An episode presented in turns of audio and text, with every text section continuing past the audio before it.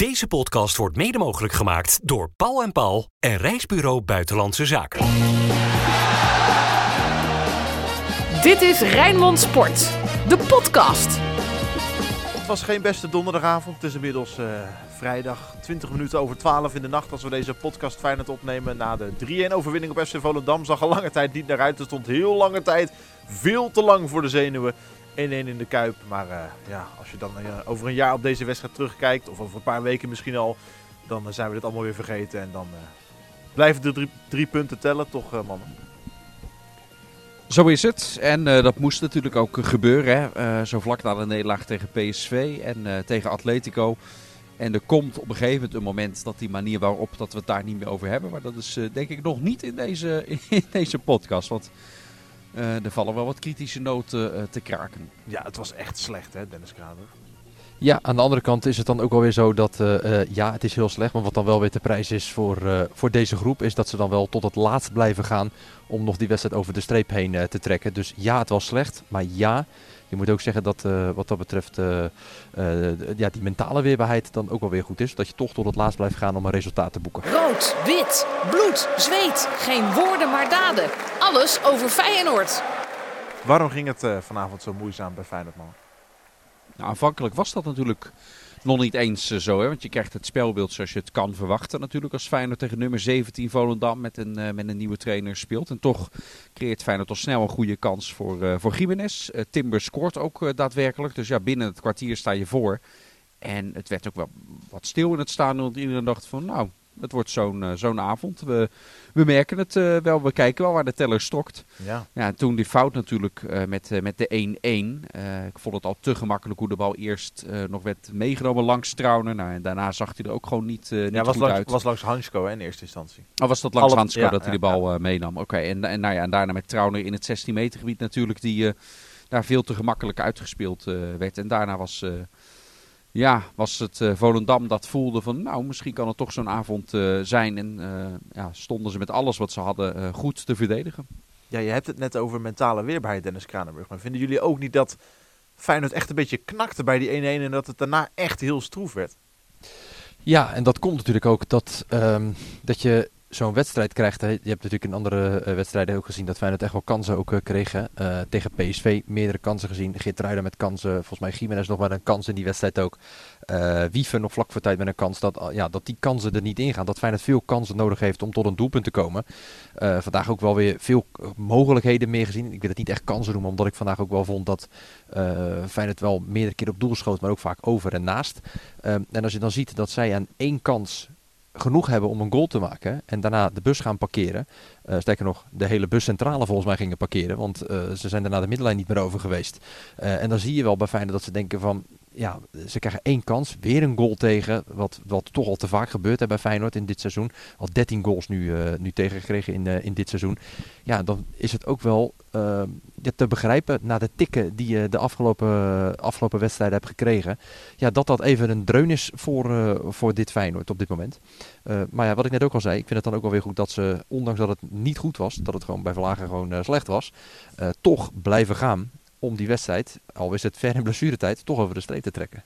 Doet een beetje denken aan vorig seizoen misschien, hè, deze wedstrijd. Ja, toen stond Feyenoord halverwege met 1-0 achter.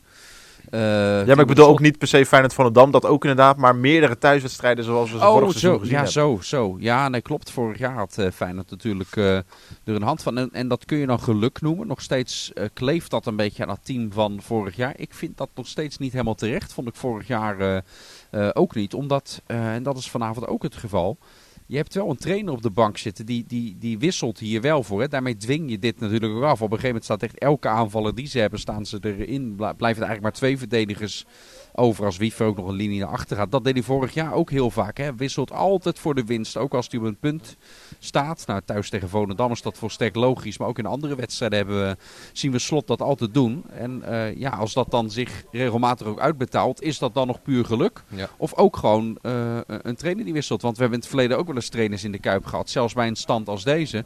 Dan kan er gewoon een spits voor een spits. Uh, of een spits voor een middenvelder. Maar, maar zeker niet zoals Slot het vaak doet. En ja, het betaalt zich uit. Uh, dus, uh, de vraag stellen is om beantwoorden, toch? Af, ja. ja. Ja, ja, en jij zegt ook wel inderdaad hè, wat, je, wat je nu ook zegt. Dus dat hij al heel vroeg al een verdediger eruit haalde om één op één achterin eh, te gaan spelen als dat nodig zou zijn. Maar hij wist ook van dan komt toch die middenlijn niet over. Want daar was het, zoals jij het zo mooi omschreef, vooruit peunen. Eh, alleen dat was toen bij Feyenoord, maar vooral de bal vooruit peunen aan de kant van Volendam. En dan eh, ja, wachten tot Feyenoord weer eh, zou komen en hopen dat dat recept genoeg zou zijn. Ehm, ja, en daardoor uiteindelijk wel met allemaal aanvallers er ook in. Hè? Met de Ueda, Deelroosen, met Jiménez, met Sauer, met Paixão. Die er allemaal in zijn gekomen. Om toch daarin iets eh, te forceren. En ook al vroeg inderdaad dus een verdediger daar ook weer eruit te halen. Om dus weer een aanvaller erbij te zetten. Die Sauer beviel me wel Zeker. eh, trouwens. Ja. hè. Die viel echt, eh, die durfde acties te maken, maar, Ja. ze, maar ze lukte ook. Het was, was ook iemand die gewoon een keer een voorzet geeft. Vond ik erg verfrissend. Een, Vanaf die linkerkant. een vleugelspeler De die eerste die aankwam. Ja. Überhaupt een vleugelspeler die wel eens een Ja. voorzet geeft. Ja, Mi- Minte gaf soms ook, dat was dan misschien bedoeld als voorzet, maar dat was een, eh, die peunde ze zeg maar ook. Nee, die, dat waren Ja. ook eh, soms wel hele hoge en, en kansloze ballen. Nee, die Sauer viel lekker in. En zeker in wedstrijden als deze, op, op dit niveau. We hebben ook bij, bij Sparta deed hij goed, hè, Mm. maar meerdere eredivisie eh, eh, wedstrijden. Ja, dan bevalt hij steeds wel. Eh, maar in de absolute topduels en Champions League, oké, daar is hij. En dat is geen enkel punt van kritiek. Dat is volstrekt logisch op zijn leeftijd. Dat komt misschien nog wat te vroeg. Maar in dit soort wedstrijden zou ik hem toch nog net even iets vaker eh, willen Ja. zien. hoor. Want het Ja, smaakt wel Ik steeds... zie veel eh, geluiden van supporters op social media ook. Die echt zoiets hebben van, nou ja, gooi die Sauer er gewoon in. Want wat Ivanovic laat zien, dat is echt niet om over naar huis te schrijven. Dus wat hebben Ja. we te verliezen aan die linkerkant? Nou ja, ik zag op een gegeven moment een tweetje langskomen. Ik dacht van eh, een van de collega's van VI, ik dacht Pieter Zwart, van eh Feyenoord kan in de tweede helft wel een linkerflank gebruiken. Ja, dat was natuurlijk ook wel zo. Ja. Want eh, ja, Ja. ik heb echt niks van Ivanovic gezien in die, eh, in die eerste helft. En daarom zei ik ook op de radio, de eerste de beste bal die hij krijgt, komt gelijk, die, er wordt gelijk een Ja. voorzet. En ik vond trouwens dat sowieso de, de vleugelspelers, ik vond Minte in de, de, ja, de, nou de, de tijd die hij heeft gespeeld, echt dramatisch slecht. Begon nog wel aardig trouwens. Ja, maar uh, weet je wat het bij hem heel erg is? Uh, het, het ziet er heel dreigend uit, met zijn snelheid heel dreigend. Maar het lijkt wel alsof hij zijn tegenstander voorbij gaat en zijn ogen dicht doet. Dat hij dan, uh, de ballen komen niet meer aan. Geeft passes naar plekken waar niemand staat. En dat vond ik echt, vind ik echt een minpunt. En ik weet dat Dennis nu gaat zeggen, ja hij is nog jong en ja hij kan zich echt nog verder ontwikkelen. En dat, dat is ook echt wel zo. Maar zeker in dit soort wedstrijden, tegen met alle respect FC Volendam. Je speelt wel bij Feyenoord. En uh, het moet dan wel zo zijn dat op het moment dat je dus die dreiging hebt en die actie maakt. Ja, dan mag je toch verwachten van de speler van Feyenoord tegen, met alle respect nogmaals, Volendam. Dat er wel wat meer uitkomt. Ja, over Ivanovic, ik zag even, want Pieter Zwart, zijn naam valt wel even bij VI, heeft uh, ook een analyse gedaan hoe hij eigenlijk uh, structureel uh, naar binnen toe trekt. Mhm. En daarmee ook Ja. de linksback er soms minder uit laat zien dan hij nog is. Hè? Want ik was in het verslag ook best wel kritisch op, op, op Lopez. Uh, die vond ik ook in defensief opzicht tegen, tegen PSV. Uh, was, was hij natuurlijk ook, ook in negatief opzicht erbij uh, betrokken. Vandaag vond ik hem ook niet zo goed spelen. Maar uit die analyse komt ook naar voren van ja, hij wordt ook niet geholpen door de linksbuiten. Die Ja. alleen maar Naar naar binnen trekt. eh, eh, trekt. Waardoor hij eh, juist weer zelf in een overtal Ja. komt. En het zit hem in die afwisseling. En, en, en dat zien we bij Ivano Zetste niet, eh, niet in terug. En Sauer had dat meteen meer. Hè. Die wisselde wel af van naar binnen gaan Binnen en buiten, en dat, dat zie ik altijd wel graag bij een uh, buitenspeler. Maar het allerbelangrijkste wat je erbij wil zien is het... Uh, is het rendement. En wat dat betreft is ook veel zeggen dat Diel Roossoen uiteindelijk in de laatste maand, zo'n beetje, misschien chargeer ik, maar heeft Ja. in de afgelopen maand, in deze 10 minuutjes dus, meer rendement gehad dan Minte in uh, heel de maand, waarin hij ook een deel bles- geblesseerd is geweest. Maar Viel wel gretig Eh, in, hè, die Roossoen. Ja, maar dat, kijk, hij weet ook eh, dat hij op de trainingen eh, echt wel laat zien dat hij er is. Dat zei eh, Slot ook. Hij is op de training echt wel eh, gretig eh, dat hij zich wil laten zien. Ook knokt voor zijn kans. En als dan de buitenspelers op dit moment niet presteren, niet laten zien wat er van ze wordt verwacht. Ja, dan weet hij ook van als ik dan weer een keertje minuutjes mag maken, dan moet ik me wel laten zien. Want uiteindelijk zal het dadelijk voor hem ook, als er een club komt, zal er mee worden gewerkt aan een transfer. Ja, en hij wil dan wel ergens naartoe waar hij ook een beetje in de picture blijft. Hè? Waar hij op niveau kan spelen. Waar hij bij een mooie club terechtkomt. Waar ze ook gewoon een mooi salaris uh, betalen. Uh, en dat je niet naar beneden hoeft te kijken. Maar dat, je, dat er uiteindelijk gewoon een mooie club ook voor hem gaat komen. Daarom zal hij ook nu denken van ja, de kansjes die ik krijg. Ja, die moet ik wel aanpakken. Om te laten zien wat ik in huis heb. En toch ja, dat visitekaartje dan maar weer eens af te geven. ja, en Ali Reza Jahanbaks wordt ook wel daarin gemist. Hè. Ik weet dat Slot altijd zeer kritisch op hem, uh, op hem is. Maar als je kijkt, ook vorig seizoen, maar dit seizoen het rendement, daar gaat het bij mij voor een buitenspeler altijd om. wat, uh, wat Jahan Baks heeft. gewoon met afstand creëert de meeste kansen voor, voor medespelers. Dus ook bij Shaw, Minte, Stenks, Jahan Baks pakt zijn cijfers. ESPN had daar een overzichtje van voorafgaand aan deze wedstrijd. Ja, zijn gewoon de beste. En die, die mis je vandaag dan ook. Hè, want die had anders in de pikorde er ook nog boven gestaan. Vinden jullie de malaise op de flanken bij de buitenspelers van Feyenoord vergelijkbaar met of zorgwekkender dan vorig seizoen in deze fase? Uh, ja, met dat laatste zinnetje zeg je het goed. Want dat, weet je, uiteindelijk is het vorig jaar geëindigd in een kampioenschap. En uh, vergeten we ook dat Feyenoord in heel de eerste seizoenshelft uh, niet eens bovenaan stond. Hè? Volgens mij was dat pas op de laatste speelronde voor de, de winterstop dat Feyenoord bovenaan kwam te staan. En dat Feyenoord qua buitenspelers vorig jaar heel lang zoekende is geweest. Pas, pas nou, bijna diep in de tweede seizoenshelft uh, was het echt vaste prik dat Idrissi en Paixão uh, die strijd hadden gewonnen. Maar daarvoor is het heel lang ook zoekende geweest. Met Dielroos toen in de eerste seizoenshelft veel. Ja, Hambaks die veel kansen heeft, uh, heeft gekregen daarin. Um, ik, het zou me niks verbazen als ook daarin uiteindelijk, want we zijn best kritisch over Feyenoord, iedereen is best kritisch op Feyenoord, maar ook daarin de cijfers misschien wel uitwijzen dat het dit seizoen uh, beter is dan die eerste seizoen zelf van vorig jaar. Ook qua het rendement van, uh, van de buitenspelers. Dat gaan we maar eens uitzoeken dan. De Feyenoorder van de week. Ik ben heel benieuwd mannen. Wat een heel jonge debutant vandaag. Gisteren moet ik eigenlijk zeggen. Ja. Is hij ook jullie Feyenoorder van de week? Nee, daarvoor heeft Milambo toch niet zijn, nee, zijn stempel erop kunnen drukken op deze wedstrijd. Helaas. Aan de voorkant dacht ik echt van ja, dit is ook echt een prima wedstrijd eh, voor hem. Omdat de verwachting is Feyenoord gaat er misschien wel eenvoudig winnen met veel goals. Misschien pikt hij er ook wel eentje mee. Ik heb hem niet zo heel veel, uh, niet zo heel veel uh, gezien. Maar wat, vind... uh, wat, wat, wat, geen kritiek ook nee. is. Want ik denk nog steeds...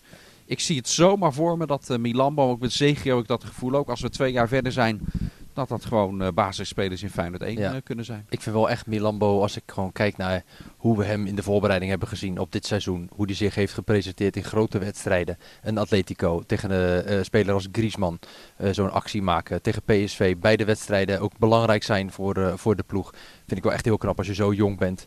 En in zo'n korte tijd door bent gestroomd uiteindelijk als, als jeugdspeler naar gewoon ja, vandaag dus basisspeler bij Feyenoord 1. Vind ik dat echt wel heel knap hoe hij zich, hoe hij zich ontwikkelt. En dat is echt wel iemand waar Feyenoord heel veel plezier aan gaat beleven in, in de toekomst. Ik vond hem vandaag zeker niet de Feyenoord van de week. Ik vond eigenlijk, nou, als we heel kritisch gaan zijn... Jij onthoudt je van stemming?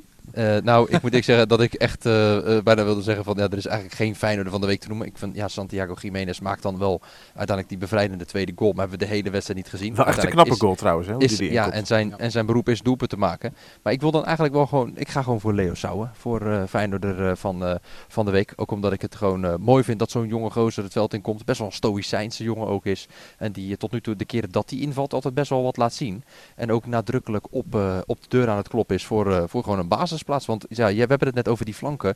Daar loopt het uh, uh, moeizaam. Ja, ja, en hij is iemand die komt in het veld, hè, is dreigend, heeft acties in huis, geeft ook gewoon een goede voorzet. Uh, en schroomt ook niet om op doel te schieten. Dus ik ga gewoon voor Leo Sauer. En dan nog jij nog van eerst, want Milambo was het niet. Ja. Maar wie dan wel? Hè? Ik moet ook wel heel goed zoeken hoor, na, na deze... ja. Als je de Feyenoord voelt ook gek. Het is, het, is, het is net donderdagavond geweest om nu al Feyenoord van de week te benoemen. Maar ja, dit was gewoon ja. de weekendwedstrijd gaat, eigenlijk. Ja, er gaat, in het weekend, er gaat in het weekend ook uh, niemand komen die, uh, nee. die hem verder naar zich toe kan trekken. Ja, Als je het helemaal breed trekt, zou je ik, natuurlijk ik denk, de Feyenoord van de week zoek je dan in de jeugd. Er zijn twee uh, elftallen kampioen nou, geworden. Dat, dat, was wel een geweldige, een geweldige avond. ja. Ook hè, met een wedstrijd met, met alles erop en aan. Dat was, dat was leuk om dat te volgen. Ja, weet je, dan pak ik toch, dan ga ik ook terug naar de statistieken. Want hij is wel aan een hele bijzondere periode in zijn, uh, in zijn loopbaan bezig. Uh, dat, dat is Quinten Timber. Die toch ook ja, maar, maar weer ja. scoort. Hè? De laatste vijf wedstrijden geloof ik. Uh, vier goals en, en één of twee assists. Ja. Ik, weet even niet, ik heb ze niet helemaal nu, nu paraat. Maar in ieder geval cijfers waar hij in zijn carrière nog niet, uh, twee, nog niet eerder aan is, uh, is gekomen. Ik vond David Hansko vandaag goed spelen. Ook hoe die bleef gaan tot de laatste seconde. Toen als extra aanvaller erbij. En verdedigend vind ik hem altijd, altijd een dikke voldoende scoren. Nee, maar nou, die twee. Kies maar wie, uh, wie je wil. Want ik heb niet echt een uitgesproken Feyenoorder van de week. Maar wat Timber presteert is wel... Uh, het overstijgt de cijfers die hij hiervoor altijd heeft overlegd. Dus dan, dan ben je goed bezig. Ik heb het er even bijgepakt inderdaad. De laatste vijf wedstrijden. Vier goals, één assist. Eentje Maar minder. Nou moet ik zeggen, we hebben het net even over, over Jiménez, hè? Eh, die dan vandaag niet te zien is, maar wel weer die goal maakt. Als je nou gaat kijken, dat hij in dit jaar, dit kalenderjaar, 31 goals heeft gemaakt in 35 wedstrijden. En deze eeuw waren er drie spelers die de 30 in een kalenderjaar bereikten. Kerstman, Kuit in elk geval. ook. Kuit Ja. en Suarez. Waarvan de, de laatste, Suarez, in 2009 alweer was. Dus Ja. wat dat betreft, eh, ja, natuurlijk ook gewoon eh, heel knap.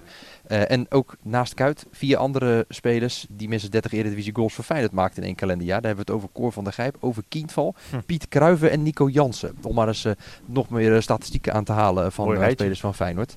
Eh, dus eh, ja, die, die Jiménez is natuurlijk ook gewoon bezig aan een, eh, aan een hartstikke goede reeks.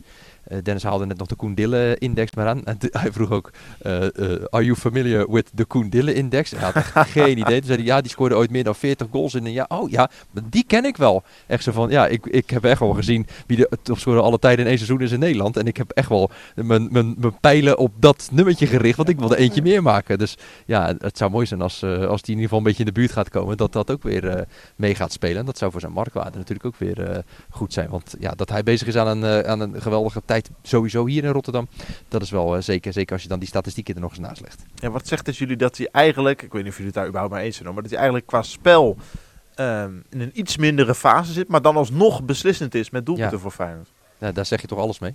dat geeft ook het potentieel aan dat. eh, ik, ik heb altijd van die Koen Dielen Index zeggen dat ja. Eh, op een gegeven moment zijn er twee speelrondes achter elkaar. Dan maakte hij er één keer vier en één keer vijf, geloof ik. Hè? Want in het begin, Ja. begin van het seizoen scoorde Dylan in dat jaar helemaal nog niet zoveel. Ik vind het altijd onzin als die erbij wordt eh, gepakt. Maar moet je je voorstellen als Jiménez ook nog eens eh, nog beter gaat spelen dan wat hij vorig jaar, tweede seizoen zelf heeft laten Ja. zien. En Feyenoord gaat nog een paar keer ruime overwinningen misschien eh, behalen zoals we begin dit seizoen zagen. Ja, dan zou hij ook opeens een wedstrijd met dat soort cijfers eh, kunnen hebben. Dan kan hij echt in de buurt eh, komen. Normaal gesproken in, in het voetbal anno nu, ja, 40 plus, eh, vergeet het maar. Zelfs in de eredivisie, dat, dat kan eigenlijk niet meer. Maar Was er niet ooit eentje Ja. in eh, Spanje die er in één jaar geloof ik 91 maakte?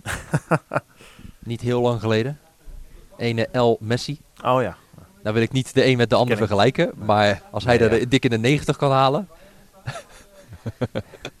ik heb dit niet. Ik heb dit niet. Was 91 alleen ja. in de. Ah, nee, alles bij elkaar opgeteld. Ja, alles bij elkaar opgeteld. Ja, oké. Oh, oh, dan, dat- ja. dat- dan is valt het. Dan is eigenlijk weinig. Ja, nee, die dan daar is nou een het gouden wal voor gekregen? Ja, precies. ja. Onnozele ik- statistieken, Dan. Heel, heel hu- hij is groot te gaan wonen voor al die prijzen die hij heeft gewonnen. De glazen bol. Woensdagavond, mannen, Celtic Park. Mooi Ja. tripje voor, eh, voor het legioen, voor Feyenoord, voor jullie ook. Tripje om niks, of ja, noem het maar niks. Kleine 3 miljoen kan Oh ja. Er nog ophalen. Ja, nou dat niet alleen Jesse, dat tripje om niks. Ja, die, dat geld, Arne Slot is er al een paar keer eh, met zijn, eh, met zijn eh, ja, door de mensen hier bij Feyenoord op gewezen van, eh hey, dit gaat, het gaat wel om serieus geld hè Ik vriend. nog Pieter Smoren. Ja, ja, precies, die kans is vrij groot. Maar ook, dit zijn wel de wedstrijden. Je speelt weliswaar, tuurlijk, het is om niet, want Feyenoord is dan weliswaar uitgeschakeld. Celtic is al uitgeschakeld. Maar je speelt wel op het allerhoogste niveau. Je speelt op Champions League niveau. En het is ook wel zo dat je je als Feyenoord wilt presenteren naar de rest van Europa, naar de rest van de wereld. Van, kijk eens eventjes, dat voetbal wat wij hebben laten zien in wedstrijden uit in Madrid, in eh, wedstrijden uit bij Lazio, waar we weliswaar hebben verloren. Maar waar je wel wil laten zien van, dat kunnen we dus ook bij Celtic laten zien. En ook voor spelers geldt. Ehm, die willen zich ook nog een keertje op dat alle, alle, allerhoogste podium laten zien. Voordat ze dadelijk naar die tussenronde van de Europa League gaan. Dus ik denk echt wel dat die gasten het besef hebben van... Ja, we zijn daaruit. En ja, we weten dat het eh, nergens meer om gaat behalve om het, eh, om het geld. Maar dat er echt op dat sportieve gebied echt nog wel heel veel eer te behalen is. Oké, nou een mooi verhaal, Dan. Als Arne Slot het ook zo kan verkopen Ja. woensdag, dan zitten we gebakken, denk ik. Ja, Als Feyenoord hem wint, hè, dan zouden ze met, eh, met negen punten uitgeschakeld kunnen zijn in de dat Champions League. bizar hè? En het kan zo zijn als PSV thuis van Arsenal verliest, wat ook niet ondenkbaar eh, is, Ja. zeker als je de wedstrijd in Londen eh, bedenkt, dat zij met acht punten dan wel door zijn. Zo, zo, zo zie je ook maar hoe, hoe, hoe dingen net verkeerd of, of goed kunnen, Ja. kunnen vallen ook. Hè? In, in de perceptie van, oké, Feyenoord heeft het slecht gedaan in de Champions League en zij dan eh, eh, goed, goed. gedaan. Ja. Gewoon, eh, de doordat Lazio, Lazio een paar keer in blessuretijd eh toeslaat en daardoor buiten bereik is. En aan de het is ook andere wel weer kant dat je dus... Feyenoord vorig overwint jaar groepswinnaar met acht punten. Zo moet je het ook wel weer. Nee, zo Ja. klopt, klopt. Ja. Maar als je overwint het eh, eh, in Europa, uiteindelijk dus uit de Champions League gaat, wel met negen punten. En met de minste begroting van deze drie, dus wel doorgaat en negen punten weet te behalen, dan is dat eigenlijk toch gewoon hartstikke knap. Jesse, doe jij eens als eerste een duit in het eh, zakje als koploper in ons uh, klassement? Ja, zal ik dat klassement eens even bijpakken. Ehm, inderdaad, we voorspelden alle drie een eh, grote klapper vanavond. Nou, dat werd het niet. Ik zat er eigenlijk met mijn 6-0 nog het verst vandaan. Maar omdat ik Timber toevallig als eerste doelpunt te maken had opgenoemd, scoorde ik één puntje meer dan jullie. Had ik er Ja. twee, jullie alle twee één. En sta ik bovenaan met 19, Dennis van Eersel met 18 en Dennis Kranenburg onderaan met 17. Wat is daar gebeurd, joh? Kwestie van tijd, joh. Weet Sinds je, jij, sinds, nou jij gestopt, sinds jij gestopt bent met zeven- 137 weken achter elkaar Jiménez zeggen. Nee, maar dit is weer een beetje van eh, de hardloper die al juicht met eh, de finish in zicht. Jij bent wel een beetje het Vitesse van, deze, eh, van onze glazen bolcompetitie. Ja, en jij hebt Dat je verwacht aan de voorkant, van, ja, dat zal wel gewoon stabiel, weet je, in het midden. Die wordt stabiel tweede. Eh, geen echte hoogvlieger, maar ook niet zo onderaan. Hè. Dat denk je aan de voorkant, maar nu kijk maar waar je staat. Het scheelt maar twee punten met de koploper. Ah, en dan, Ja. tot- dan is het toch geen Vitesse. Nee, Vitesse scheelt eh, 200 punten inmiddels. Ja, dus eh, Maar Jesse, Ehm, Celtic Feyenoord wordt eh 1-2, denk ik. Met het eerste doelpunt van, eh, ja, toch Jiménez gewoon. oké. Staat genoteerd. Mooi. DK, 1-1. Jiménez. 1-1 Jiménez. Ja, ik, ja, ik durf het bijna niet te zeggen, want het is de, de podcast Feyenoord. Gaan ze verliezen? Oh jee. Ja, ik, ik denk dat Celtic met 2-1 wint. Met eh, Ki- die Kyogo Furuhashi. Die hier in de Kuip vond ik ook goed, eh, goed spelen. Ik vond Celtic hier sowieso ook goed voor, eh, voor de dag eh, komen. Nee, we zijn goed.